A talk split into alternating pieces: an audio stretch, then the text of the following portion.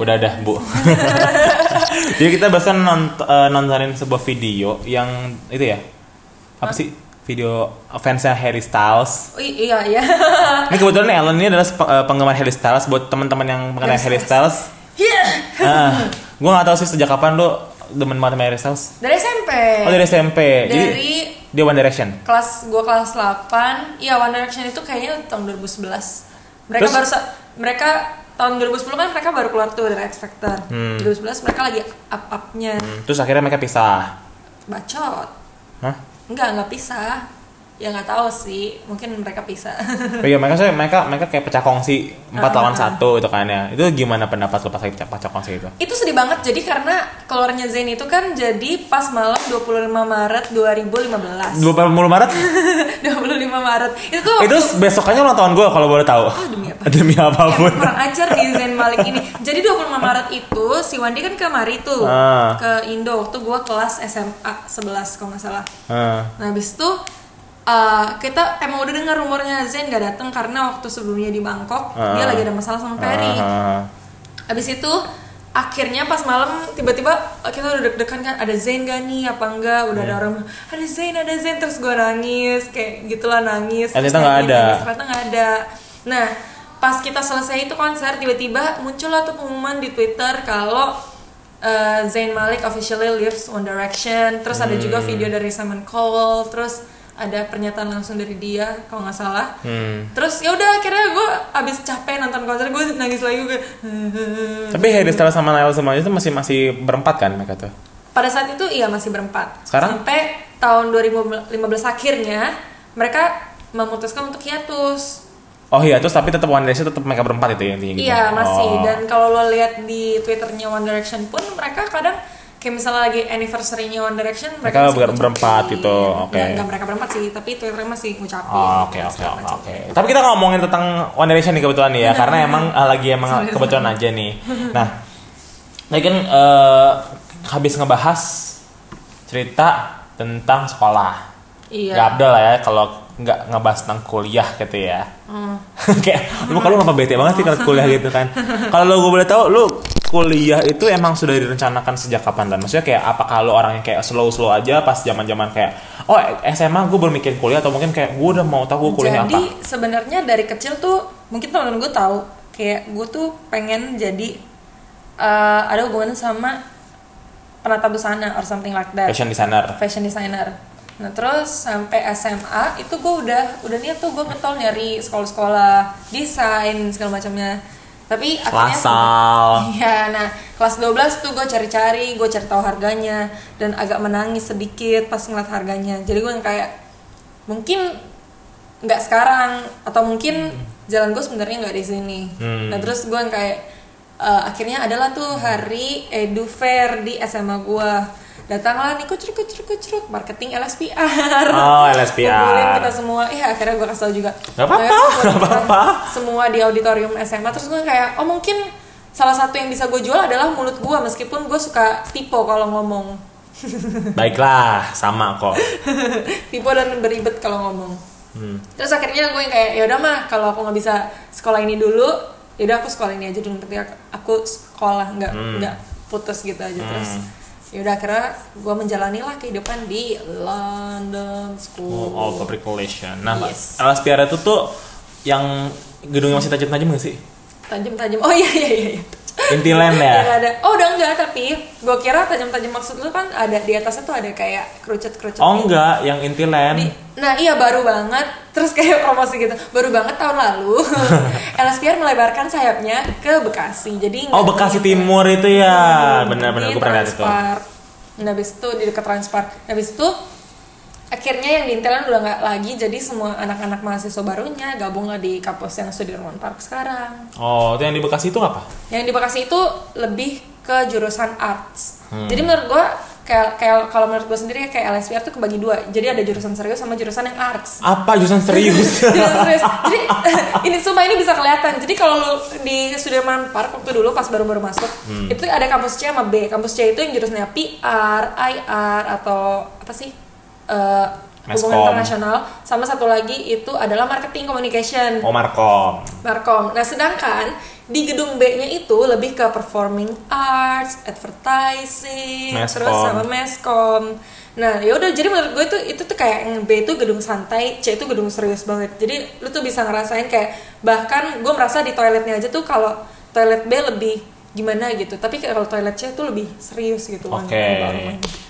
Baiklah, baiklah. Gue nggak sekarang kayak. Minum dulu, minum dulu, minum dulu. Suara lu serem banget banget gue tadi. Sorry, Oke. Itu LSPR. Nah, sebenarnya gue juga LSPR tuh eh, pasti ntar ujung-ujungnya mau di mana pun lo berkuliah, baik di Bekasi Timur maupun di Sudirman, Pak, lo akan berkumpul di Pacific Place kan ujung-ujungnya kan. Iya, iya, iya. Untuk wisuda guys, maksudnya guys. Carlton, Ritz Carlton. Oh, Ritz Carlton. Tapi sebenarnya itu Pacific Place-nya nggak sih sebenarnya bukan Ritz Carlton-nya? Itu Pacific Place itu sebenarnya. Oh, iya. Itu lantai 4 dan gue inget banget itu kayak rame banget pas kita Iya, lagi iya, itu kayak Pacific Place, gue mau cari ini siapa orang? Oh, gue lewat masuk aja susah banget. Itu teman banget gue shout out pada teman gue namanya Monica dia itu juga lulusan LSPR dia dulu tuh apa ya? IR kalau nggak salah. IR. dia IR dia IR dia IR lulus terus sekarang dia uh, lagi berkiprah Wow. di karirnya sendiri lah gitu kan ya Keren. Nah, oke, kalau gue, eh, gue kalau bilang kata ka- dikatakan kapan gue mau nanya, gue baru sakit kuliah Oh, mau sama apa? belum? Lu mau apa? Belum anjir. Kuliah mau apa tuh gue kuliah mau apa pas gue kelas 10 SMA karena gue eh, ikut eskul komputer di situ. Ada ekskul komputer? Gue ikut eskul komputer. Ekskul komputer gue tuh bagi lima divisi, programming, web development, eh, technical yang ngurusin per tukang-tukangan sama yang ngurusin antivirus antivirus, eh, robotik satu lagi gue lupa. Oh, ada robotik juga. ada robotik tapi robotik juga agak agak mati gitu sebenarnya kayak agak-agak kayak udah Karena mikir ya. karena mikir juga satu lagi gue lupa. Eh, ada lima itu web dev satu lagi gue lupa. Mohon maaf nih gue pernah jadi ketua umumnya tapi gue lupa banget. Yang kelima tuh apa. Tapi intinya gitu. Nah eh, gue ikut yang programming divisi programming dan akhirnya gue main banget gue di programming. Gue minat banget sampai mi- seminat itu dan akhirnya gue memutuskan bahwa kayaknya ini gue bakal jadi jurusan gue nih jurusan gue dan kelas 11 gue berkiprah gue ikut lomba segala macam nggak pernah menang karena emang gue emang nggak senerd itu dan gue nggak segitu dan ternyata gue menemukan bahwa pas gue kuliah itu pun gue kalau istilahnya kalau di kita tuh ngoding ya bikin program itu ngoding kan kita mengcode kan itu gue stres kalau lama-lama. Oh iya. Gue harus ketemu orang. Gue harus ngobrol sama orang. Karena gue nggak seintrovert itu. Iya, iya. karena gue nggak menemukan energi gue di pas gue lagi sendirian. Gue menemukan energi gue pas lagi sama orang lain. Lo ngebayang lah ya momen-momen itu kan ya. Nah suka cerita. Udah nih jelas eh kelas 12 akhirnya gue menentukan gue mau kuliah ini tapi gue nggak tahu kampusnya di mana. Kebiasaan gue kayak gitu lan pasti gitu. Gue mau ini gue mau kerja ini gue mau kuliah ini tapi gue nggak tahu kampusnya sebelah mana. Jadi kayak Iya, gue nggak iya. ngincer kampusnya dulu. Iya, gue iya. ngincer jurusan gue dulu. Ah, jurusan dulu. Jadi kayak gue nggak main-main kalau masalah gue nggak main-main masalah di mana gue akan ditempatkan Hmm. tapi gini gini gue mau ditempatkan asalkan jurusan gue ini gitu misalnya kayak Iya. gue mau gue mau teknik informatika ataupun fasilkom ataupun SI Hmm. atau sistem informasi ataupun apa pun itu tapi gue nggak tahu di mana gue Iya, mikirnya saat itu masih di binus Karena Binus terkenal dengan Yes. IT-nya kena terkenal banget di binus. Nah, akhirnya gue mikir, ah gue mau di binus aja segala macam, Hmm. segala macam, segala macam. Dan akhirnya disarankan untuk coba diningkatin raportnya dulu. Raportnya diningkatin kelas 10, kelas 12, kelas 11, kelas 12 diningkatin raportnya biar bisa masuk daftar terima undangan di PTN. Oh. Nah, pas masuk PTN, gue mikir PTN apa ya? UI, ITB, eh, UGM atau UNR yang ada informatikanya atau atau Unbra gitu kan ya. Hmm. Gue mikir ah udahlah juga coba dong ke ITB gitu segala macem man udah dengan segala usaha gue dan segala perjanjian di mana kalau lu mau ambil undangan lu nggak boleh menolak undangan ini lu tau gak sih kayak ada momen karena nanti di blacklist. betul karena ada momen di mana sekolah gue tuh pertama kalinya dalam sejarah hidup gue bersekolah di sana maksudnya dalam pas gue lagi bersekolah di sana ya gitu ya Aha. itu ada satu orang yang terima di FKUI which is tuh sangat sangat jarang Wow. dan dia menolaknya demi di NTU Singapura Iya. Oke, menurut gue gini, eh, mungkin eh, passion orang beda-beda. Kayak ada yang mungkin emang dia dia sepinter itu sehingga dia memang pas cocok masuk ke FKUI. Tapi dia lebih milih di Singapura yang teknik informatika juga sama kayak gue computer science itu juga. Tapi dia lebih milih itu. Mungkin gue pikir kayak, oh mungkin karena emang passion dia lebih ke sana. Nggak di kedokteran. Dari ya. kedokteran atau mungkin karena lihat dari kampus lebih prestisius yang di NTU. Gue gak ngerti. Iya, nah, sih, tapi iya sih. Jadi Bingung intinya- dilema itu in- kayak itu kayak mau di Ayunda milih Harvard apa Oxford Stanford eh Stanford sorry sorry sorry sorry sorry Dia milih Stanford kan akhirnya kan. Iya. Nah, akhirnya dan gue gak tau dia kapan berangkat sih. tahu bukan udah kuliah belum ya Belum orang dia masih, Oh, iklan-iklan jadi- pentin segala macam. Ah, jadi idol idol. Bener. iya.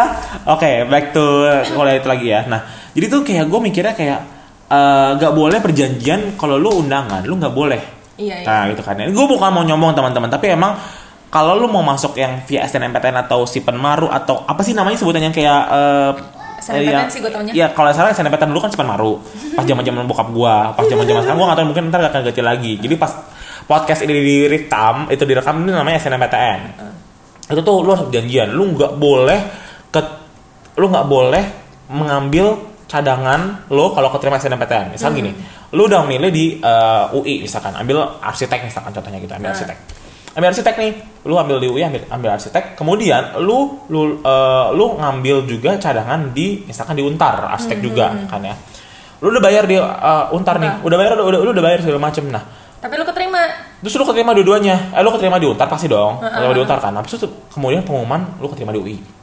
Lu harus ambil UI, nggak lu lu nggak boleh ambil yang Untar. Ya, ya. Karena akan merugikan ada di kelas lu. Nah, dan itu dan itu caranya adalah bergaining point dari sekolah, sekolah gua dulu SMA gua dulu adalah lu nggak lu nggak akan nggak akan terima surat rekomendasi dari sekolah kepada si UI eh, itu. Untar itu. eh, untar. Jadi kan bisa kalau itu kan minta surat rekomendasi sekolah kan. Ah. itu lu nggak lu nggak boleh dapat. Oh. Lu nggak boleh dapat dan lu nggak boleh delegalisir rapotnya, Oh rapotnya. gitu. Jadi mau nggak mau lu masuk lu harus ke- ke SN negeri ke itu. SN ke negeri Tapi akhirnya temen lu itu ngambil tetap di Singapura. Dia ambil Singapura. Itu sorry itu bukan teman gua, itu kakak tingkat gua 2013. Gua 14, dia 13.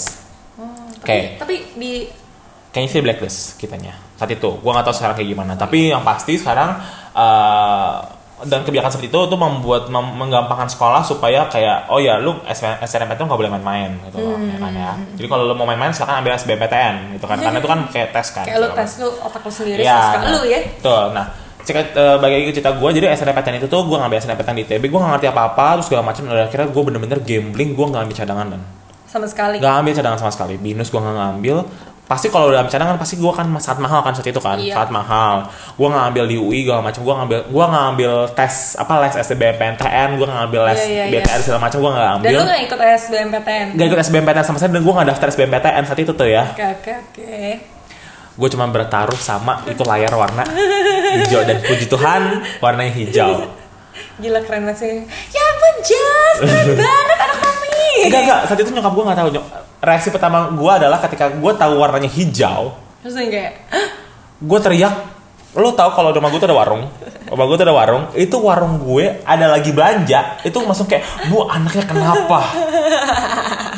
Bu anaknya diapain? gue rasanya kenapa? Terus kayak akhirnya gue gue teriak terus akhirnya gue nangis gue gue gue peluk nyokap bokap gue segala macem dan akhirnya di situlah nah di situlah gue akan berantem. Nah, di situ gue mikirnya gak akan merantau. Gue mikirnya kayak akhirnya gue masuk ITB. Tapi gue gak mikir Nggak mikir gimana lu gue hidup di mana gitu. ah. Dan akhirnya gue pernah tuh sampai, sampai satu ketika gue sampai kayak gak enak makan karena gue meninggalkan Jakarta. Bayangin sih kayak gue di sini di SMA yang which is gue gak punya teman banyak. gue harus keluar keluar ITB, eh, keluar keluar Jakarta yang gue nggak tahu tuh lingkungan gue seperti apa. Terus gue gue tuh bisa aja gue kayak bakal lebih nggak betah di sana. Dan ternyata kalau gue tinggal sendirian dan lu nggak punya internet di kosan lu, lu tuh kan pasti mencari internet kan di- Iya, di mana pun iya, itu kan. iya, Dan iya. itu tuh membangun social skill gue. Dan akhirnya lu melebarkan sayap lu. Iya dan di akhirnya daerah Bandung. Di daerah Bandung makanya kayak gue merasa kayak Bandung gue akan gue akan soon akan balik lagi ke Bandung lagi. Itu kayak jadi kayak gue akan Bandung kayak saat jadi kayak per- setahun pertama gue di Jakarta balik lagi ke Jakarta itu tuh pasti kan gue minta balik Bandung. kayak nginep di kosan siapa, nginep di kosan siapa pasti gitu. Iya. Oke, nah Apalagi lu banyak melakukan kegiatan di situ. Mm-mm, gitu. Nah, jadi dia gitu. Nah, eh bicara mengenai negeri sama swasta, menurut lo swasta tuh yang lo yang lo lihat tuh seperti apa? Kalau menurut gue kayak jadi waktu kecil eh gue lupa. Jadi emak gue tuh pernah bilang yang kayak gue lupa ini kayaknya ketika gue mau SD ke SMA atau eh SD ke SMP atau SMP ke SMA kata gue nggak apa-apa sekarang kita negeri dulu yang penting nanti kamu kuliahnya kamu boleh swasta gitu. Oh gitu. Jadi emang gua tuh udah emang- aturan. Emang, emang menurut gue kayak abang-abang gue pun dua-duanya tuh anak binus Mhm. swasta kan jadi dulu tuh kita emang yang kayak negeri-negeri swasta gitu Hmm. enggak yang kayak kalau orang-orang kan kebanyakan ya swasta swasta ntar kuliahnya negeri gitu Hmm. tapi gue tuh bukannya gimana ya tapi maksudnya gue nggak pernah punya pandangan gue masuk ke PTN gak tau kenapa karena menurut Hmm. gue kayaknya anjir kayak susah banget juga Oke. jadi gue gue lebih kayak oke gue cuma eh, kayaknya gue suka di bidang ini ini ini ini nanti kuliahnya di mana baru kita pikirin di mana Hmm. T- sampai akhirnya masuklah gue di swasta dan ternyata menurut gue apa ya selama gue menjalani kehidupan gue di LSPR gue sangat amat bahagia sih Oke. dan ternyata menurut gue kayak pas dibandingin kayak pelajarannya gitu gue ngerasa kuliah gue emang kayak santai tapi kayak praktisi banget gitu Oke, kayak sa- ya sepakat sepakat. gitu Hmm, ya. ya. gue ngerti sih kalau di negeri itu kayak gimana karena Kalau negeri tuh biasanya gini sih, Len. Pasti kan negeri tuh punya kebijakan masing-masing kan. Kalau Hmm. swasta yang gue tahu ya nih, tolong lo koreksi juga kalau di LSPR itu tidak terjadi. Atau mungkin teman-teman di luar sana kalau emang ini, gue benar-benar hanya berpengaruh sama, bukan berpengaruh, hanya berpatok sama pengalaman atau cerita-cerita teman-teman gue aja ya. Kalau di negeri, eh kalau di swasta itu tuh biasanya tuh ya, mereka tuh pasti itu punya kebijakan lu nggak boleh di kampus malam-malam. di swasta Hmm. kampus gue ada kelas malam jadi kayak Maksudnya kalau jam 10 malam lu nggak boleh nginep. oh nggak boleh nginep iya nah dulu interlude interlude Eh, eh. jadi eh, karena di kampus Intermezzo, interlude, lu kata, lu kata musik, sorry sorry intermezzo Ah. nah jadi karena di kampus gue itu ada arts di mana tuh kegiatannya tuh bisa kayak berapa malam gitu. Dan persiapannya tuh nggak yang kayak hari H bisa lo itu. Jadi sekarang di kampus barunya itu udah disiapin bahkan kayak kamar gitu. Jadi Wow. sekarang boleh. Iya karena kasihan kan. Jadi dulu tuh yang di kampus gue sudah Sorry, itu disiapin kamar. jadi ada ruangan yang isinya ranjang-ranjang ranjang. Ranjang? ranjang. Ada ranjang ada di ranjang. kampus. karena di kampus gue kan ada teater atau teater yang produksinya bisa tiga empat hari Oh mungkin karena memang pengaruh dari situ kali ya karena Maksudnya- lebih ke situ sih ya Ah, ah, gue nggak ah. tahu sih kalau di kampus lain gimana tapi setahu gue yang ada ranjang sih yang gue lihat tuh baru kampus gue ya yang disediain Oh. ranjang gitu dan Tapi itu bukan dorm kan? bukan bukan Rom jadi ini kampus nih gedung yang baru itu ada gue nggak pernah ke situ sih tapi gue ngeliat dari story jadi kampus mana lagi yang ada rancangnya gitu-gitu Oke. nah terus di tahun pertama itu di LSPR wajib ada teater Hmm. entah lu di semester 1 atau semester genapnya tapi ada teater jadi nggak mungkin dong kayak kalau zaman gue belum ada itu kamp- kampus baru jadi kita tuh kayak yang orang-orang kayak PM atau direkturnya itu bener-bener yang kayak ngurusin set yang sampai di auditoriumnya itu Hmm. jadi mungkin kayak kasihan kali ya mungkin disediakanlah fasilitas seperti itu sekarang gitu Hmm, Oke, gue nggak tahu ya. Maksudnya kayak ini karena pengalaman pengalaman gue aja kayak Hmm. karena di Jakarta yang gue lihat ya. Nah, sebenarnya gini, oh kita gue urungkan yang soal yang nginep itu ya. Nah, yang pasti ya kalau di swasta itu bahasa daerah di asal itu tuh lebih kental.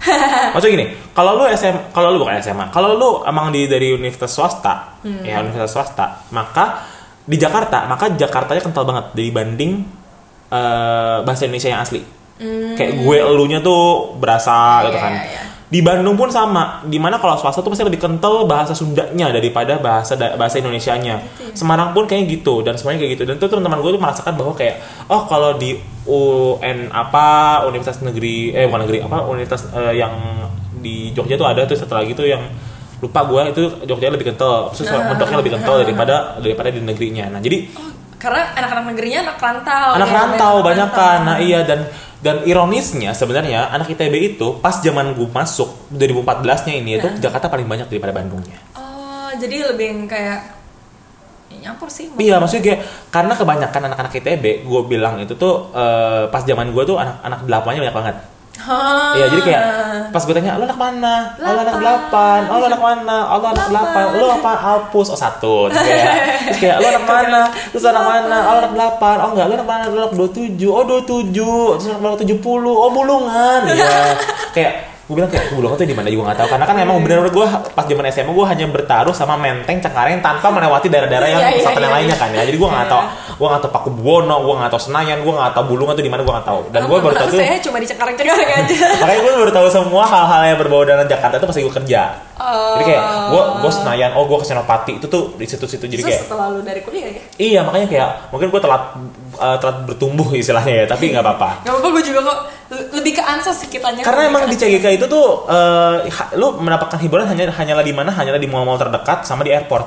Ya dan karena udah ada hiburannya yang deket-deket jadi males aja gitu. Dan lu sebenarnya mau tau gak sih ada fact di mana bahwa airport tuh akan lebih banyak air mata daripada kuburan? Akan lebih banyak apa? Air mata daripada kuburan. Kuburan oh. karena perpisahan. Perpisahan banyak di airport. Iya, ya iya, kan? iya, iya. lebih banyak air mata di, di airport Daripada- di iya, kuburan. iya.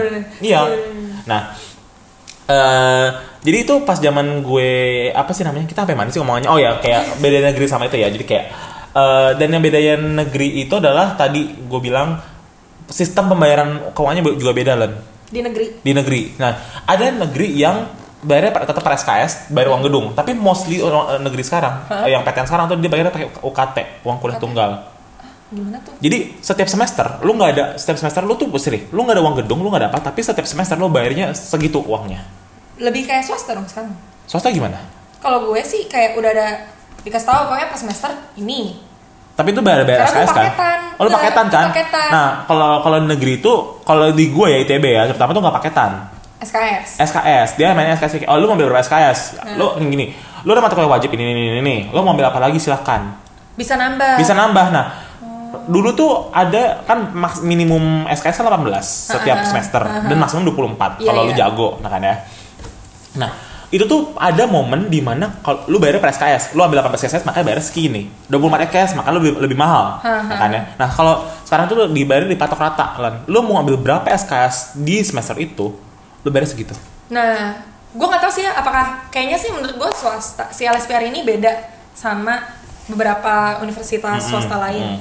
Karena singkat gue teman gue yang di Untar dan Trisakti pun setahu gue per SKS dan kalau lu nambah lu bayar lebih banyak. Nah tapi kalau gue sama kayak yang lu bilang itu kayak per UKT. Jadi mau lu berapa SKS pokoknya bayar segitu. Jadi gue kayak pokoknya setahun segini aja.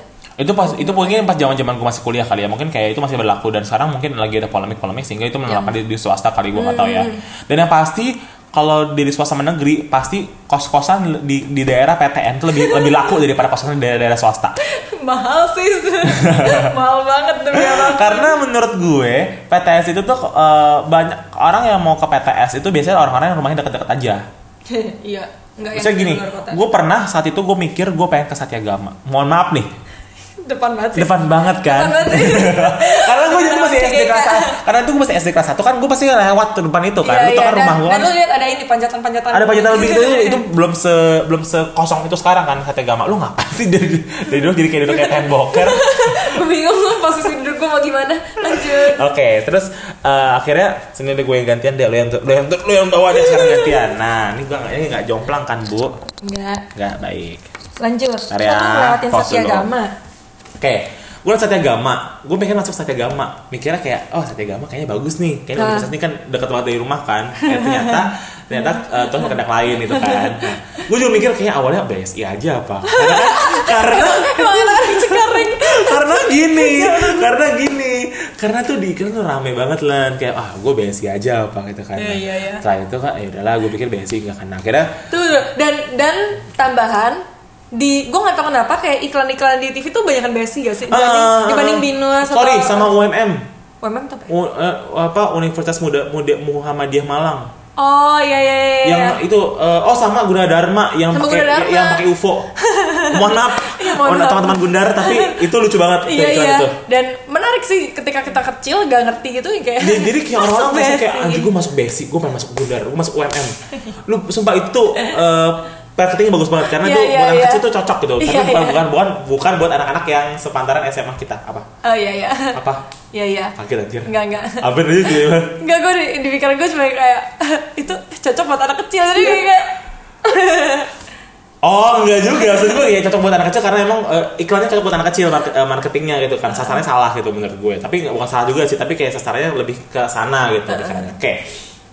Terus pikir BSI aja apa? Kayak cari kan informatika apa? Gue ada graphic, graphic design atau apa segala macam gue pikir kan gue dulu mikir kan gue sempet mikir gue pengen desain grafik. Atau enggak gue pengen apa segala macam. Tapi akhirnya gue bertaruh kepada desain eh, teknik informatika. Nah terus sampai akhirnya gue pas kelas 8 ini gue cerita dulu ya karena gue gimana pengen masuk kampus mana gitu ya. Pas gue kelas 8 SMP gue inget banget kelas 8 SMP gue tuh lagi sebuah lagi pergi study tour. Heeh. gue ketemu kan kita latihan grogol Ah. ada tuh sakti tuh gede tuh. Iya, iya, iya, iya, iya, iya. Kayak wow sih gede juga ya. Kayak Iya, bilang, apa gue di sini aja kali ya gitu kan.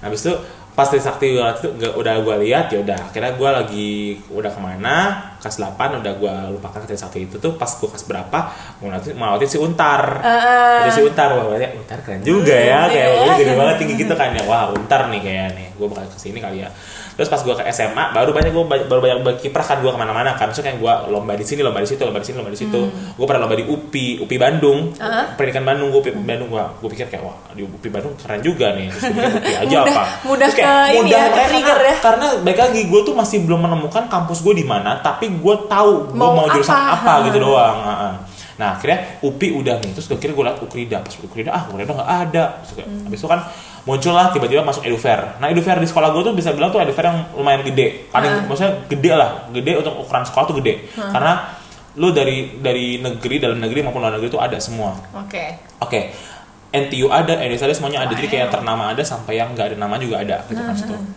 Sampai gue sini bingungin, gue ada ada Ciputra, ada UPH, anjir nih keren-keren juga kampus-kampusnya ya. Tapi kayak gue pikir keren-keren itu kan dah dari gue hanya dengar dari si omongan manis, Mereka. omongan manisnya si anak-anak komunikasi Marketingnya. marketingnya sama dari brosurnya cantik-cantik gitu kan. Gitu. Dan akhirnya ya udah mikirnya ke sana. Dan akhirnya gue pas di pas zaman di Edufair itu gue nggak pernah datengin stand ITB dan ternyata dan ternyata gue emang ke sana gitu kan dan ya udah akhirnya gitu mikirnya gue pikir gue bakal di swasta gitu kan Nah, tapi akhirnya gue nggak di swasta nah jadi eh, keunggulannya gue keunggulan swasta lagi sih tapi kayak yang membuat swasta sama negeri berbeda pun adalah dari sisi dari si dari si marketingnya juga sih Lan. Hmm.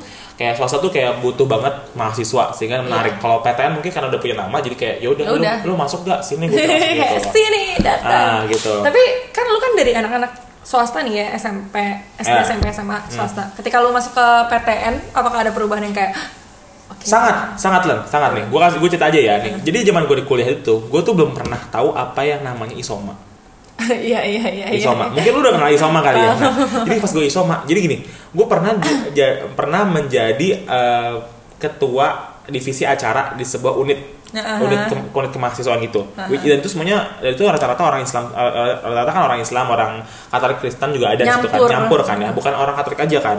Gue pernah jadi bagian acara di orang di KMK-nya ITB Hmm. dan gue ya udah kayak oh nih jam 6 sore kita mau ada ini ya ada nonton film bareng.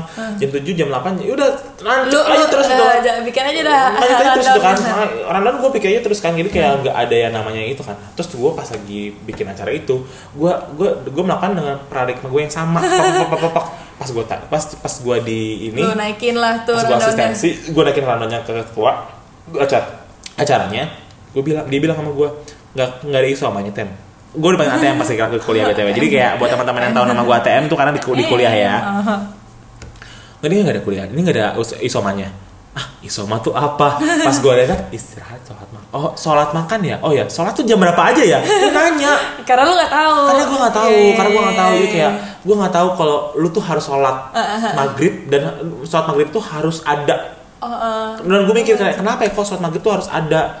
Gitu kan ya. Kayak gue selama ini kan kalau dengar di TV kayak oh ini sholat maghrib. Ya udah aja gitu Iya, loh iya, kayak iya. kenapa sholat maghrib? tidak mengetahui kalau itu adalah sebuah kewajiban. Gue tahu itu wajib tapi kenapa harus maghrib itu harus diutamakan di TV-TV gitu loh. Mungkin karena mungkin gue mikirnya pas lagi Ramadan itu subuh ke maghrib Nah. ya kan? itu kan subuh lu puasa maghribnya lu buka itu kan ya. Gue pikir itu. Ah oh, iya iya. Bener dong Iya, nah. iya. tapi kan pas lagi kalau udah udah lagi nggak Ramadan kenapa maghrib tuh selalu ada? Masih ada. Sel- selalu ada kan? Nah usutnya usut ternyata maghrib itu adalah eh, sholat sholat petang yang jaraknya pendek banget menuju sholat berikutnya. Hmm, ibarat kata gini kalau lu subuh lu kalau telat lu masih bisa bangun pagi-pagi tapi subuh lu ya udah aja gitu kan. Iya, iya, nah iya. subuh ke su- suhur itu tuh dari jam 5 mungkin sampai jam 12, Sampai itu 12. mungkin kayak 7 jam. 12 ke asar 3 3 Jam asar ke maghrib itu 3 jam lagi atau enggak 2 atau 3 jam. Terus tapi kalau maghrib ke isya itu cuma 1 jam doang. doang makanya kayak kenapa ada is- isoma? Oh karena ada ini gitu loh. Iya. terus kayak eh, Isya perlu isoma lagi nggak? Oh isoma nggak perlu kalau Isya. Nggak nggak apa-apa nih bener nih. Gue gituin sampai Sampai- sampai gue meyakinkan Iya, sampai iya, gue iya, meyakinkan itu kan. Nah, akhirnya akhirnya ya udah akhirnya gitu itu perubahan pertama gue yang kedua perubahan melihat orang berkerudung. Karena dan FYI dari dulu sekolah lu cowok benar semua soal gue cowok semua dan gue nggak pernah orang berkerudung. Dan gue nggak tahu aturan berkerudung itu seperti apa. Ya kan ya. Gue nanya dong kayak eh gue nanya sama teman gue namanya Avi Vi kenapa sih orang-orang berkerudung gue nanya dong kayak ya susah sih jelasin dia bilang gitu. Intinya intinya kalau lu emang merasa sudah pantas gitu kan ya. Terus juga eh, apa namanya juga bisa membantu bokap lo.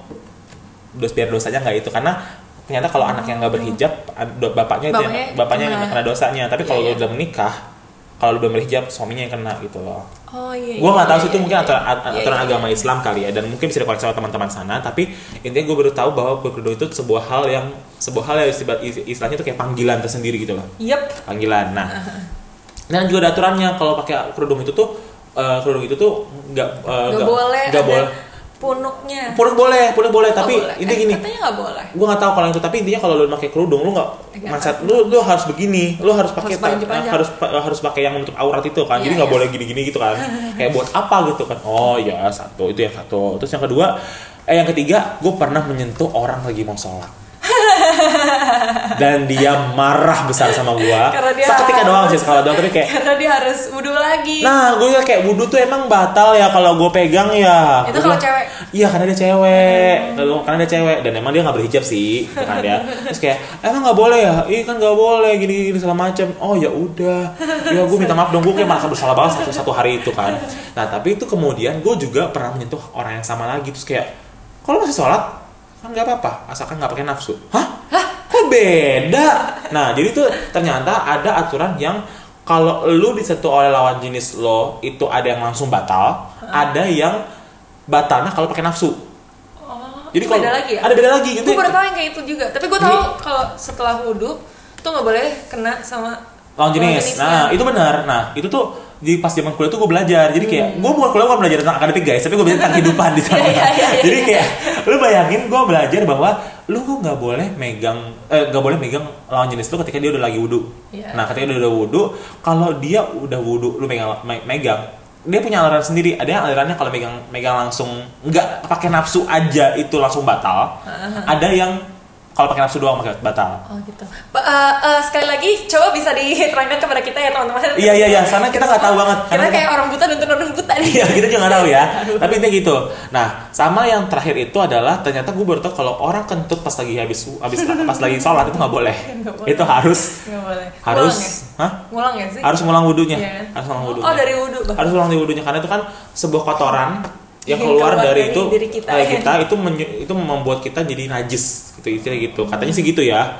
Dan gue juga baru tahu bahwa kalau masuk masjid itu harus masuk masjid itu harus ada batas sucinya. Hmm. Gue tuh pernah menginjak batas suci itu dengan sepatu gue sendiri. Itu pun gue belajar di sana gitu loh. Jadi kayak gue tuh bukan artinya gue sengaja ya guys, tapi karena emang gue bener-bener tahu. nggak ada nggak tahu latar belakang gue emang bukan di Iya, sana.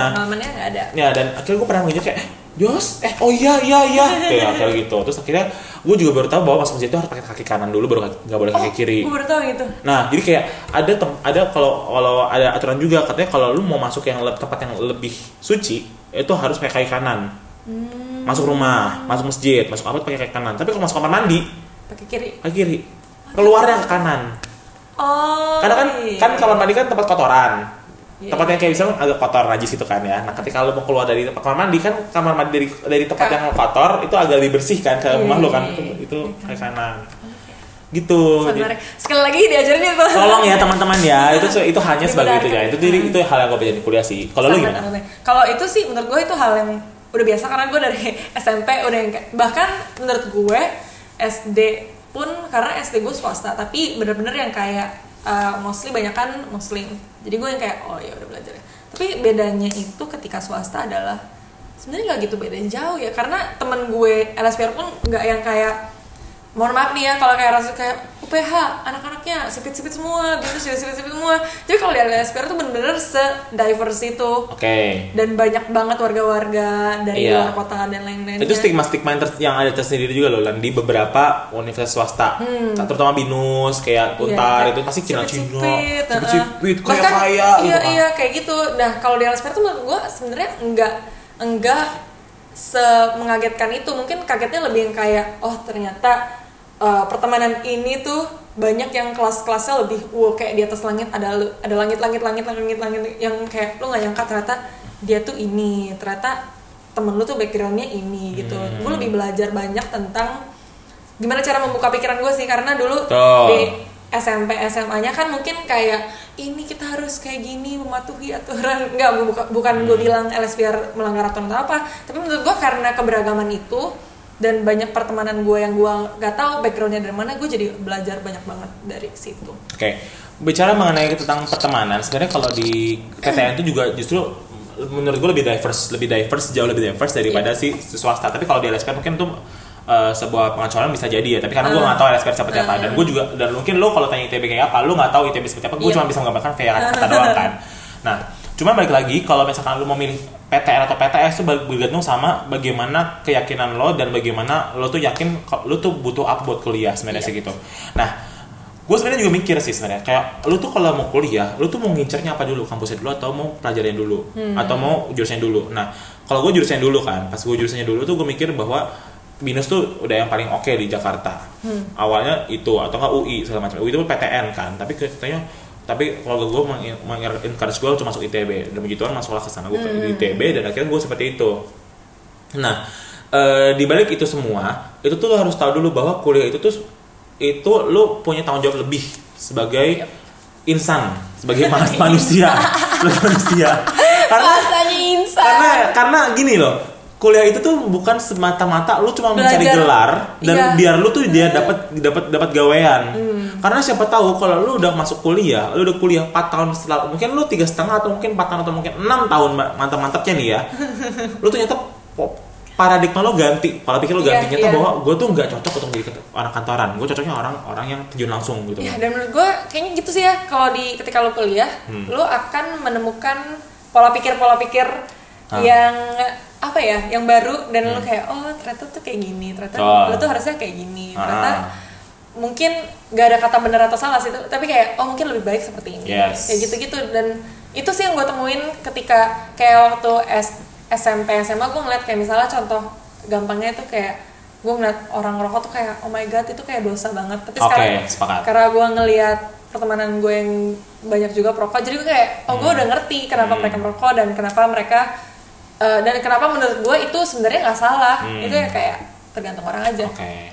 dan gue nggak tahu sih ya kalau perbedaannya ya itu sih sebenarnya kalau dari SD eh, SMP SMA negeri ke kuliah swasta ini gue nggak gitu ngerasain perubahan yang signifikan karena itu pertemanan yang diverse itu tapi ya itu lebih ke belajar hal yang baru aja Oke, nah sekarang pertanyaan gue kita bagi lagi ke tujuan kita eh, tujuan tujuan kita membentuk podcast ini adalah tentang Membangun. CGK Iya. dan kenapa eh, lo nih ya terutama lo ya kan lo kan punya punya punya hak lebih banyak atau lo punya pilihan lebih punya pilihan lebih banyak untuk lo tuh bisa memilih PTS yang lebih dekat sama rumah. salah satunya BSI Salah satu BSI, Satya Gama, dan juga dan apa lagi ya? Di ini eh, Esa Unggul Esa Unggul, Esa Unggul, Indonesia dan seterusnya ya. Itu kenapa lo memilih yang cukup ke agak tengah gitu loh? karena eh, di pikiran gua waktu itu adalah se- sejujurnya gua nggak gitu tahu banyak tentang perkuliah perkuliahan karena jujur aja gua anaknya kayak malas research gitu yang kayak ya udahlah jalanin aja. Emang sebenarnya nggak baik. Sebenarnya harusnya ada planning. Cuma eh, pada ketika yang ada edufair itu gue yang kayak oke mungkin ini saatnya gue harus keluar dari zona cengkareng itu. dan gue su- benci banget sama orang-orang yang bikin stigma. Habis dari Kerta ke 45 ke 33 ke BSI terus eh, kerjanya di perikanan gue nggak suka stigma Oh itu. iya? ada stigma seperti itu yang Wow. yang membuat pokoknya ya alurnya gitu-gitu aja maksudnya Oh. karena lu di Cengkareng doang gitu Oh. sampai akhirnya gue kayak oke ini kampusnya oke menarik dan jauh dari rumah ini saatnya gue harus coba berani ayo ke Keluar dari Jakarta zona nyaman keluar lah dari ya. Jakarta Barat Jakarta Barat, iya. Kalau gue sejak SMA soalnya sekolah di Jakarta Iya. Barat ya, makanya kayak gue pikir kayak mikirnya apakah gue harus keluar kota atau segala macam gitu kan. Nah, gue pikir gitu kan awalnya. Oke, itu berarti lebih ke comfort zone, keluar dari comfort zone lo ya, baiklah. Iya. Oke, terus bagaimana dengan eh, apa ya transportasi segala macamnya Len kalau kita bicara ini? Kalau dulu, sumpah ini tuh yang bikin ka- oh iya ini yang bikin gua kaget sebenarnya. Bukan karena swasta atau negerinya, tapi lebih karena ke dulu kan kalau maksudnya rumah gua tuh deket banget sama sekolah-sekolah selama ini sampai SMA. Yang kayak kalau gue berangkat tuh 5 menit sebelum bel masuk Yes. dan sebelum upacara dimulai. Baik. Kadang gue bahkan di dihukum karena gue telat. Nah terus sekarang kayak waktu jadi tahun pertama gue masuk kelas pagi jam Hmm. 8 terus masih di diantar jemput biar gue tahu kayak gimana lingkungannya sampai akhirnya di hari kedua apa ketiga gitu gue coba oke aku coba naik bis sampai naik bis gue yang kayak oh ternyata gue tua di jalan nih. Apakah gue akan kuat selama empat tahun ini? Tapi setelah dijalani gue yang kayak meskipun capek ya capek di jalan ternyata bener. Sekarang gue ngerti kenapa orang bilang tua di jalan untuk pulang pergi Cengkareng Hmm. gitu gue ngerti kenapa. Karena sejauh nggak jauh sih. Karena- karena, semacet itu. macetnya sih macetnya dan lo nggak tahu dinamika jalan tuh seperti apa. Bisa iya, aja kayak bisa aja kayak lu cepet banget atau enggak atau enggak bisa aja lu sebenarnya cepet tapi ada satu hal yang membuat lu lama kayak mogok lah si bus iya Transjakartanya iya iya banyak banget hal-hal perintilan-perintilan ya Iya, seperti itu. Dan kayak eh, kayak misalnya waktu itu gue masuk jam 8 Mhm. Kayak ketika itu gue harus berangkat kayak jam 6 gue udah di halte. Karena kalau gue telat dikit ntar udah jam 8 lewat gue baru nyampe gitu ya. Itulah yang seperti kita ucapkan di podcast-podcast gue ya, marginnya tuh jauh Marginnya jauh, benar, benar, benar. Lu telat 5 menit atau 10 menit nyampe tuh bisa eh, lebih lambat 30 menit atau Yes. sejam bahkan kadang benar benar gitu. benar oke nah eh kalau gue pribadi ya nggak mungkin lah ya kita gue balik bolak balik Cengkareng, Cengkareng, Bandung, Bandung, ya ya. nah pasti kalau Cengkareng Bandung tuh pasti ada momen di mana gue harus pulang itu tuh pasti eh, kayak contohnya kayak eh, seminggu gue kira lu Enggak seminggu sekali, gue gak bisa, gue gak bisa seminggu, seminggu, sekali pulang. Kalau gue seminggu sekali pulang, gue mungkin akan aktif di PSLM pas saat itu. oh iya betul Bener kan ya? Tapi kayak gue nggak, situasi itu enggak. Nah, situasi itu tidak memungkinkan gue pulang seminggu sekali, ya kan ya? Karena rumah gue juga jauh dari eh, Gambir. Jadi gini, pernah satu ketika nyokap gue tuh pernah bilang sama gue, lu pulang coba naik kereta. Nah kayaknya gue agak kekeh tuh gue pengen naik travel aja karena travel itu satu lebih dekat karena bandara bandara langsung ke Bandung.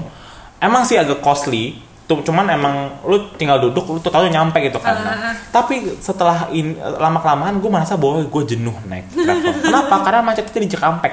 Iya. Ya kan? Kalau kereta kan lu tinggal yang tinggal view view aja kan nah. tapi tapi pas gue mikir-mikir kalau gue naik kereta itu tuh gue agak magernya tuh dari Cengkareng ke Gambirnya. Jauh. Jauh kan lebih baik yaudah cengkarengnya langsung ke Bandung gitu kan ya mikir gitu kan.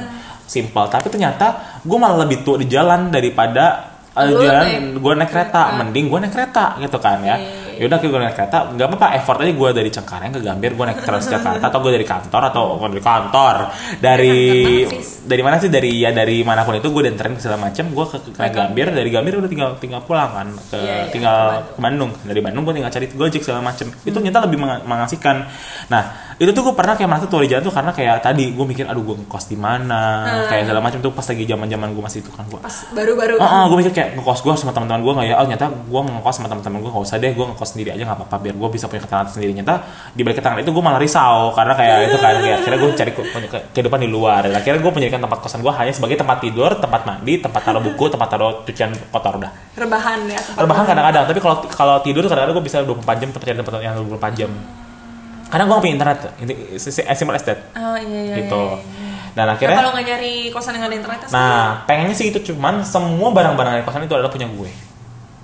Oh, Kebayangan jadi tuh kosongan, jadi gue tuh bawa kasurnya gue bawa, matras gue oh bawa. sampai kasur-kasur ya bawa? Iya, kasur gue bawa, oh gitu. Lemari gue bawa, lemari apa gue bawa, sampai lemari ember. juga. Gue baru mudeng gue baru mudeng. Sampai lemari lu bawa juga? Iya, sampai ember, lu tau ember?